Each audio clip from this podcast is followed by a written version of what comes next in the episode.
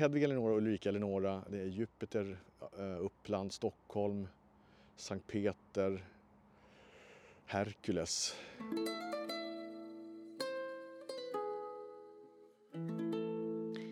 Hej på dig och välkommen till Arkeologi och historia av Blekinge. Jag klämmer in en litet fredagsextra här idag.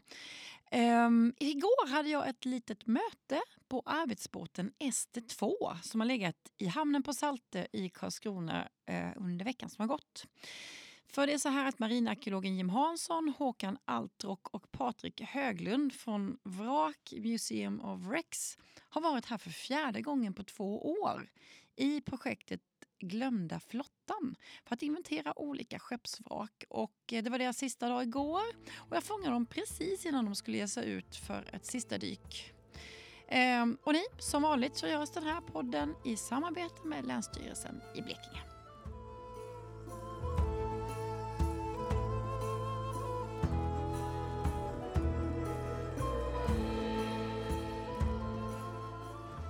Här är örlogsbasen. Mm. Yes. Där är. Där är snällast. Ja, ja, ja, då vet jag precis. Mm. Ja. Så där, det är här de håller på. Då. Mm. Så det är väl tiotal vrak tror vi. Så vi ska... Får jag knäppa på dig lite? Har ni mycket? Ska ni förbereda något? Eller hur vill ni Vi, göra? vi tre här ska ju köra, vi kommer packa in grejerna här nu och, Mm. och sen ska vi förbereda lite grann. Sen sticker vi ut här och så kommer vi Ja. ut. Ja. Men har du tid att snacka lite eller? Ja, ja. Kan jag bara sätta på den här? Så. Där tror jag den sitter bra. Mm. Ja. Hej! Hej! Då är vi här på plats. Nej, eh, alltså jag bara måste, jag är bara nyfiken. Jag har ju hängt med mycket de andra arkeologerna, Micke Björk och, och gänget Ja, på lite olika saker. Och sen hörde jag nu att ni skulle hit igen. Mm. Jag skulle tagit det förra gången. Ja, precis. Ja, va, men vad är det ni gör egentligen? Ni Vi håller på att jobba inom ett, ett stort forskningsprojekt som vi har som heter Glömda flottan. Eh, och det innebär att vi forskar på den svenska flottan under en 500-årsperiod. Mm. Eh, och, och den här delen som vi håller på med, då, jag, Patrik och Håkan i det här fallet, eh, är att vi håller på och letar örlogsfartyg som har glömts bort, Mm. försvunnit i olika försänkningar. Eh, ja, de har försvunnit helt enkelt och glömts bort. Mm. Och vi upptäckte att eh, både här i Karlskrona och i Stockholm så har vi hittat massa örlogsskepp som är skitspännande då, som vi har dokumenterat och lyckats identifiera och då får man ju fram otroligt spännande historier. Eh, Så det, det syftar det här delprojektet till. Då. Sen är det tiotal forskare då som också ska vara med och ta del av det här materialet sen. Så det är ett, liksom ett program som är över sex år. Men hur, kommer man på idén? Eller vad, vad är, liksom, vad är ba- bakgrunden till... Nej, bakgrunden är att eh, jag började, bör- uppe i Stockholm började, sen började jag faktiskt här i Karlskrona också, att vi började hitta en massa skepp som är liksom, ja de har legat där. Eh, vissa har man liksom vetat om att det legat vrak och vissa fall har man inte vetat om att Nej. de finns. Men det vi insåg då när vi började hitta dem och kunna berätta de här häftiga historierna var att det finns förmodligen de flesta kvar av alla de här svenska örlogsskeppen under en 500-årsperiod. Ja, det är det som är så häftigt med Det är det som är riktigt häftigt. Ja, det är det som är så ascoolt. Och sen märker man, de ligger i kajer, de ligger under Ah. restauranger i, i Stockholm och här ligger de i försänkningar, och i gamla brofundament. Och, så de finns. Mm. Och det finns nog inget land i hela världen som kan ställa upp sin gamla flotta på det här viset. Nej. Så det är ju superkul. Det, Jag, läste, jag läste siffran 800 någonstans. Ja, I skeppslistan i örlogsflottan ja, Mm. precis. Så det är ganska många fartyg då. Sen har vi, vi Men långt. under i- vilken period är det? Eh, vårt- Projektet är här mellan 1450 och 1850. Det är så pass långt ja. Mm. Shit. Så det är en, liksom en dryg 500-årsperiod där som Mm. vi håller på att jobba på. Men det är ju eh, knepigt. Vi ska hitta grejer i arkiven också. Där finns det ju luckor. Eh, menar, ibland finns det bra uppgifter, ibland gör det inte det. Ibland har vi mycket kartor som finns här i Karlskrona framförallt. Som vi har märkt flera gånger att de stämmer inte. De liksom, ja men här ligger, här ligger det vraket, sen kommer man dit så är det inte där. Nej. Eh, och, de, och just det här området där vi håller på nu i Smörasken är det otroligt rörigt med historiska materialet. Ja. Man nämner att det ska ligga ett, tre vrak på en karta, sex vrak på nästa karta. Sen namnen skiftar, man har några namn och de liksom skiftar i position. Men vad, vad är det för, när du säger att det nämns olika, är det att de under den tiden när de har liksom eh, sänkt dem eller så, är det Mm. då de har noterat och sen har de inte vetat om det andra eller vad är det? Nej, man har ju, det, ofta så försvinner de i skeppslistorna. Va? Det är då Ja. man kan se att de har kasserats eller något sånt eller huggits upp. Ja. Jag tror att det här just med huggits upp kanske inte är det liksom rent bokstavligt att de är helt borta utan de finns någonstans. Mm. Men det är ju sen när man har sänkt dem, som är ofta sänkt dem i någon händelse, att det liksom står inför ett hot eller någonting och man eh, bygger på försvaret precis som man gör idag. Eh, Så det, det där liksom går igen och då ser man att man använt de här gamla skeppen och då noteras det kanske. Okej. I Stockholm gör det inte det, där, liksom, där ligger de bara. Där, där är man lite äldre. Då är man tillbaka på 1600-talets början. Nej, just det, just det. Då är inte ja, arkiven ja. lika bra. Så Nej. det är lite bättre här i Karlskrona även om man märker att någon har ritat av någon annan karta som från början inte stämde. Det är det vi märker nu att det, någon säger tre vrak och så ligger det i själva verket tio vrak här. Liksom. Så att, ja, Ja. Så, att, det- så vi har identifierat tre i alla fall innan sommaren här. Som är,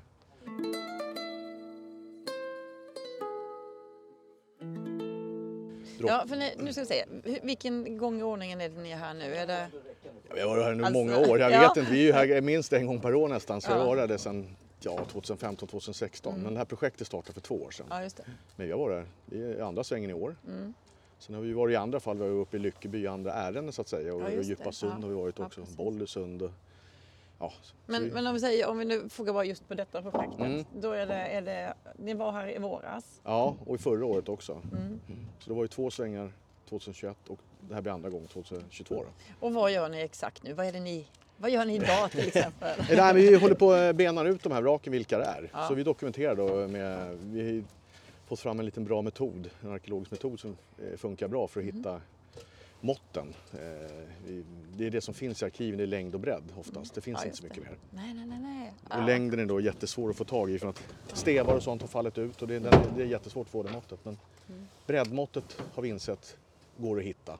Ja. Eh, lättare på vraken när man mäter däcksbalkarna och så kan man rekonstruera formen på, när man ritar ut däcksbalkarna har ju de olika bredd, då får man en fin form.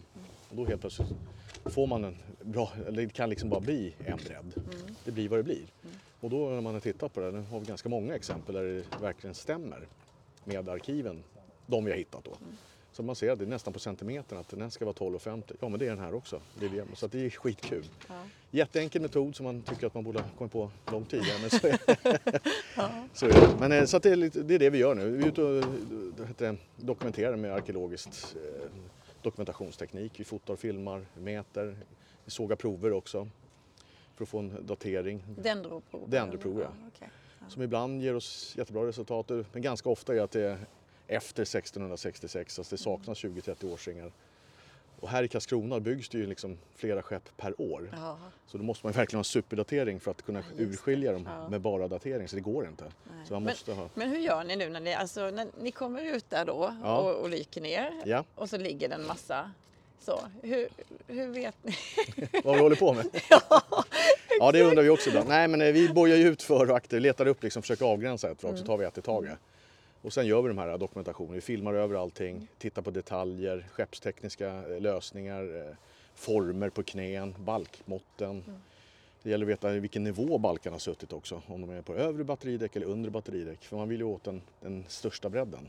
Ah, Så det, okej, ja, så det är lite det, så. Man måste, det är ganska många punkter vi måste hitta. Det är inte bara att man simmar runt och mäter däcksbalkar så är det klart. Utan ett skrov är runt ofta. Det är liksom, då måste man veta, och det är kanske fler olika nivåer på balkar. Så då måste man veta var, ungefär var de har suttit då, för att få den största bredden. Så det, är- det är mycket pusslande och letande. Och sen här, de är ganska välbevariga fast det inte sticker upp så mycket. Det är Nej. väldigt mycket dyrsediment här innanför. Eh, Alltså, är de bara. Att de bara Nej, om det har tillkommit liksom. alla spärrar det såklart gör ju att Ja. det inte blir samma vattenflöde här Nej, inne. Och det, nej. det är liksom, sedimenten lägger sig. Ja. Så de är väl inbäddade men då gör det att det blir ytterligare lite svårare då att nå de detaljer man vill. Men de som är där nu, vad är det för ålder på dem då? Ja, några är riktigt gamla. Eh, någon, en ifrån, som är identifierad till Jupiter som bytte namn till Uppland, det är från 1666. Nej. Så det är tidigare, det är 1600-talsskepp. Det är ju ännu ti- Ja, ja, ja, just det. Men har den levt och verkat in på Ja. 1680-talet? Ja, och så sänktes den 1710 där. Så den var jättegammal. Och sen har vi en andra skepp som eh, vi vet kan ligga här men vi inte har fått kläm på än. Men det är Hercules som är byggd 1651. Och det är ju liksom skitgammalt. liksom. Ja, så det är jättekul. Och de andra de här stora, drottning Hedvig Eleonora och Ulrika Eleonora är då jättestora linjeskepp med så 80 Ligger de 90 också kanoner. där? Ja, de identifierar vi. De lyckas få bra kläm på. Så de ligger där. Men när du säger att ett stort skepp, alltså om du skulle beskriva, hur se- ser de ut? Alla, alla kan nog se Vasa framför sig kanske lite så. Är det det stuket fast mindre då eller hur såg de Ja, De här ut? två de här eh, Eleonorerna, Mm. de är ju större än Vasa egentligen, alltså dimensionsmässigt. De har varit större. Nej, men gud. Nu är de inte lika välbevarade naturligtvis, Nej, men eh, ursprungligen så var de större. Ganska mycket större också. Så det, är liksom, Men, hur långa... Hur... ja, den ena är över 50 meter över stenarna. Alltså. Och 12,5 meter. Oj! Det är Håkan. Ja, hej Håkan. Nej, jag tog in den här flaggan där. Ja. Ja, Ja, alltså, så, så det är ju det är en komplex miljö. Så man, liksom, det är egentligen ett detektivarbete precis som en polis eller en utredare håller på med. Man måste förstå en plats. Sen är det också problem när det ligger så många vrak tillsammans. Var ska du såga proverna? Tillhör verkligen det här timret som ligger löst det här vraket eller kan det komma från andra vraket? Och- Men de ligger så bara i en... Nej, de ligger i snygg, ganska bra Eller- linje men det har ju rörts runt en del. Ja, så, ja. så är det ju.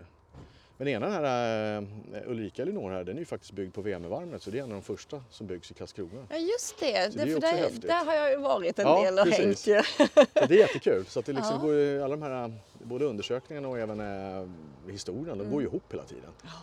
Så, och det är det som är roligt då, när man får ett större. Så det är Ja, inte det är bara så vraket coolt. Hela den här historien är ju så fräck. Ja det är det. Ja. Det är jättehäftigt. Man kan ju, det vi gör med de här vraken, och det är inte bara det man tittar på örlogen, man kan ju titta på samhället i, i sig. Varför just man ändrar dem, varför bygger man just de här typerna av skeppen nu, vilken var fienden då?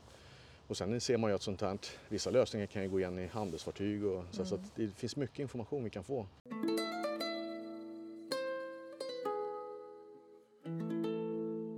Men det ni gör här nu, det är, ni dokumenterar bara själva, ni letar inte efter något annat, ni gräver inte och, och Nej, tittar. nej, det gör vi inte. Utan nu i det här skedet så gör vi bara försöka liksom lokalisera örlogsskepp som har försvunnit eller glömts bort. Eh, vi försöker dokumentera dem så bra det går. Sen försöker vi datera dem och sen eh, pussla ihop allt det här och sen försöka leta i arkiven och se om vi kan få kläm på dem. Så att vi kan beta av de här eh, heter det, skeppen då.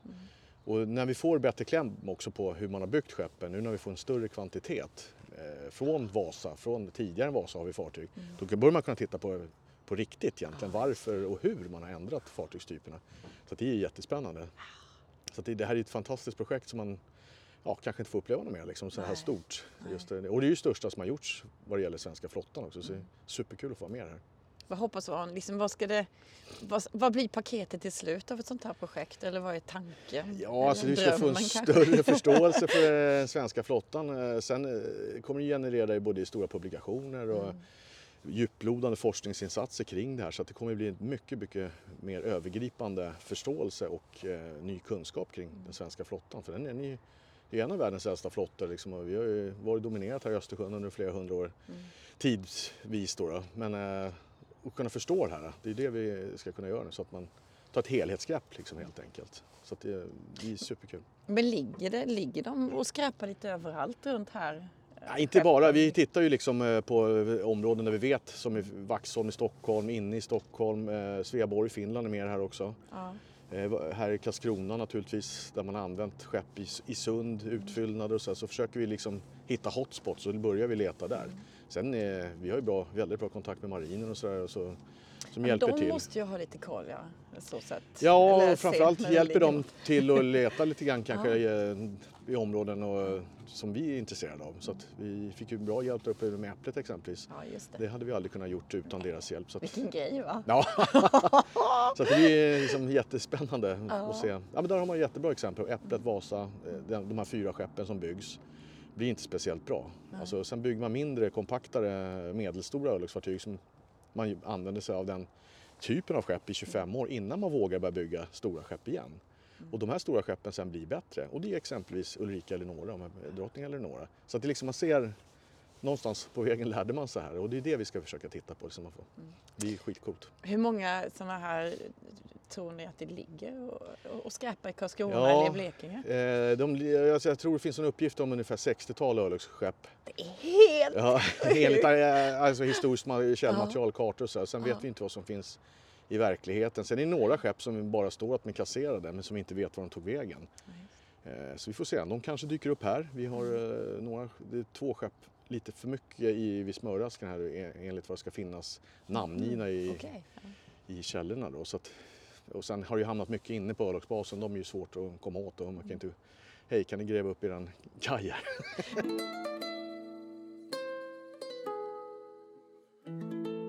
Men vad gjorde de annars med dem? Alltså, vad, för de ni har hittat nu, de, de har man lagt med flit för att de ska vara mm. som spärrsystem på något vis? Eller? I det här fallet så är vi lite osäkra. Man, Erik Dahlberg, när han ritar och planerar eh, hela Karlskrona 1680 så planerar han att bygga en pir hela vägen ut till Smörasken. Som, den blev aldrig av. Nej. Så piren där, som är idag, ja. det var där den åkte in där och sen ser man början på 1700-talet och mitten av 1700-talet på kartan där, då är det flytbommar som är över där.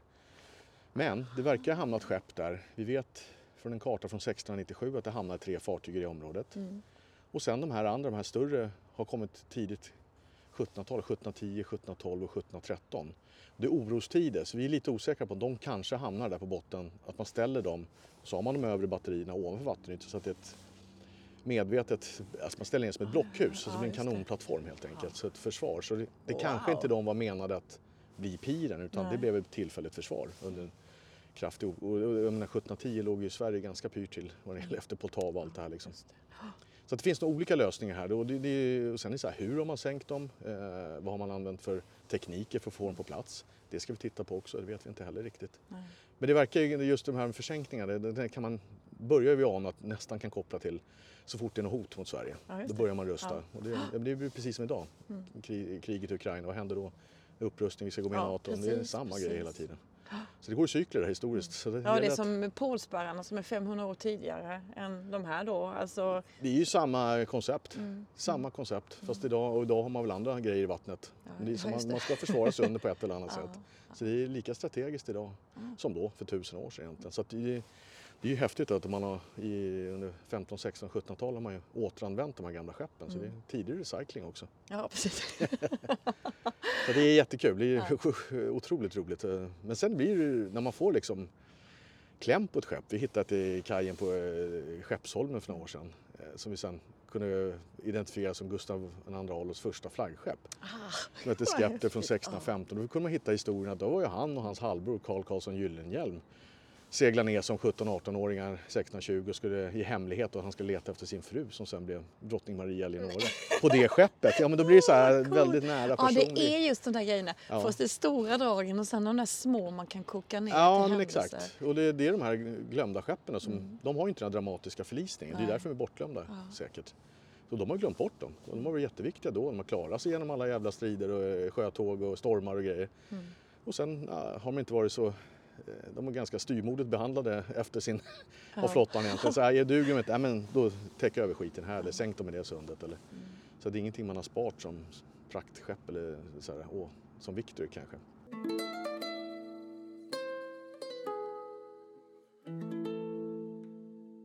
Men jag, jag, måste bara fråga, du, hur länge har du jobbat som marinarkeolog?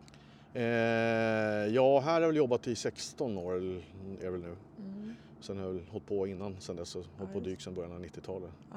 Men alltså hur, hur har det utvecklats? För det känns ju som att hela det här har fått ett uppsving. Eller är det bara att, att det mer har gått ut till allmänheten? Eller? För det känns som att marinarkeologin ja, men jag håller med. är på det, riktig frammarsch. Det är lite eller? anledning också att vi byggde vårt nya museum, där Vrak ja. Museum of Rex i Stockholm. Det. Ja. det. har att göra med att vi hittar mer grejer. Mm. Eh, vi har blivit bättre på att förmedla också, det är ju den viktigaste grejen. Mm. Eh, det vi står håller på med nu att vi får en möjlighet att berätta för folk. För de flesta har ingen aning om att de här Nej. grejerna ligger. Även fast man har bott där eller kanske ja. hela sitt liv vid någon vik eller någonting så har man ingen aning om det här. Så att när man får berätta den här spännande historien som Gustav II Adolfs eh, där mm. folk har gått och käkat mjukglass på Skeppsholmen, då blir det så här, va? Wow! eh, så jag tror att det är en bidragande faktor också till att marinarkeologer överlag har blivit duktigare på att förmedla det här. Men, men sen nya tekniker, vi kan visa ja. vraken med 3D-modeller. Men det är ju så coolt! Jo, det är, ibland när man har kommit upp med bilder och tycker någonting, det här är så häftigt, kommer man ja. upp och så ser man en mörk bild på tre spant. Det är ingen som tycker det där är speciellt upphetsande. Jo, det är det Ja, exakt, vi tycker det. Men mm. då blir det på ett helt annat sätt man ja. kan visa de här på ett annat sätt. Och sen kan man göra mycket mer. Vi kan göra bättre rekonstruktioner utifrån de här modellerna. Mm. Man kan också visa folk i museer, utställningar, det går att göra AR-lösningar, VR-lösningar, man kan visa i skolor så, att det blir Sånt håller vi på att jobba jättemycket med. Tänk så nära man kommer. Ja, det är det man gör. Ja. Så det, och det är, det är det som är problemet under vattnet. Mm. De flesta kommer inte åt det. Mm. Men det är, det är, också, så det är flera faktorer tror jag som gör att det har eh, sprid, liksom marinarkeologin har fått sina gulddagar lite ja, grann känns det som. Ja, ja det är jätte... Och sen just Sverige då med med de här vattnen där det ligger kvar så länge. Ja, ja det är hela Östersjön egentligen. Men Ja. man hittar ju fartyg här och där. Ja, eh, just det. Som är, Mm, mm. så det är världsunikt på det viset. Men sen är ju den svenska flottan världsunik också på det viset att den är gammal och sen att man har återanvänt att, det faktiskt finns kvar. Det är ju också jävligt häftigt. Alltså. Så vi kan nästan säga att vi kan ställa upp vår gamla 500-åriga flotta förhoppningsvis efter det här projektet. Vad coolt! Ja. Men eh, Karlskrona i sig här och Blekinge, vad tycker du som marinarkeolog om? Och... Jo men Karlskrona här är ju fantastiskt spännande. Dels är det en häftig stad, den är, är nybyggd av en anledning. Mm. Och det, liksom, det hör ihop med det som händer i Stockholm, det som händer ute på världspolitiken på Östersjön. Eh, som sen eh, liksom kopplas ihop med Sveaborg i Finland. Liksom, så att det blev ju en, eh, ja, den stora örlogsstaden här. Mm. Och just att den byggs bara på det och att man använt alla de här gamla skeppen gör det som, som marinarkeolog är ju en drömställe att vara på. Så att vi kommer gärna tillbaka igen och det ska vi också. Alltså tänk bara när ni dyker ner och kommer till ett skepp där, där folk har gått och jobbat på de här. Det är helt Mm. ätit, tagit en öl. Ja men precis, jo, men det är så. Det är Det otroligt häftigt att man får de här historierna. För det, Ja. det finns ju. Och det är det som är lite lustigt. Att de här som har exploderat eller tänt sitt eget krutförråd eller kantrat och sjunkit efter några minuter. De har man kommit ihåg, de här dramatiska Ja, förlisningarna. Och det kan man ju förstå på sätt. Mm. och vis när det är många människoliv som eh, går till spillo såklart. Att det blir en dramatisk, det folk kommer ihåg. Men eh, de andra är minst lika spännande och i vissa fall ännu mer spännande. Mm. Som då ligger där, dolda, bortglömda, som man inte känner till. Så att det är roligt att få med och bidra till den här nya kunskapen. Ja, vad häftigt. Mm. Vad gör ni nu idag? Nu, nu väntar de strax på dig. Ja, vi ska sticka Båten är strax. Det är sista dagen här idag, Ja. precis. Nu ska vi ut och dyka. Vi ska fortsätta på ett av vraken som vi tror kan vara Stockholm. Stockholm. Ja, det heter Stockholm. Coolt. eh, sen ska vi titta på tre andra positioner, ska se om det är vrak eller Mm. inte. Eller om det är bara några ge- geofysiska observationer genom vårt sonardata. Så vi ska Mm. titta på dem. Men enligt historiska kartor så ska det ligga tre vrak där från 1697. Mm. Så det blir spännande att hoppa ner på det. Sen eh, ska vi liksom sy ihop det här, de här den här veckan och sen kommer vi ta nya tag eh, nästa år. För vi kommer inte hinna klart det där. Du, det, det, det, det är lite sent. Det är höst, Ja, det är kallt. Idag, nu är det riktigt kallt. Ja, det är, vi börjar bli trötta och slita känner I morse Ja. skulle jag ta lite handkräm, då stod jag och rollade med en jävla deon i handen istället. Så jag fel där. Så- Så att man känner, ja det kanske är dags att börja hänga Ja. upp grejerna och torka till här. Men, men eh, det, är så mycket så vi måste liksom försöka få- in så mycket som möjligt per år. Liksom. Ja, gud. Så att vi har att göra.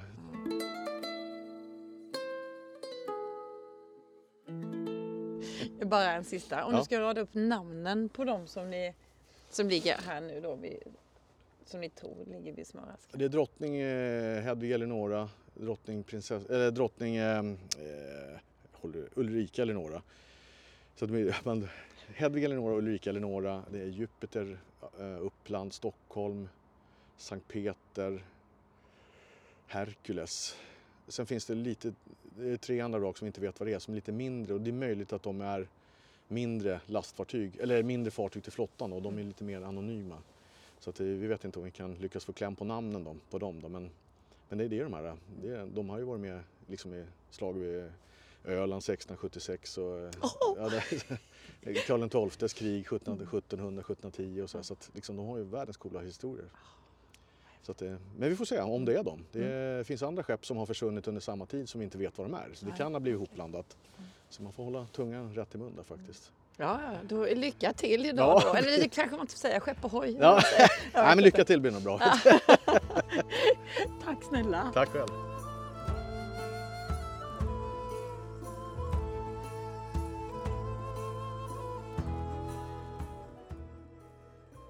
Ja, det ska bli så spännande att se vad de kommer fram till här eh, i projektet eh, Glömda flottan.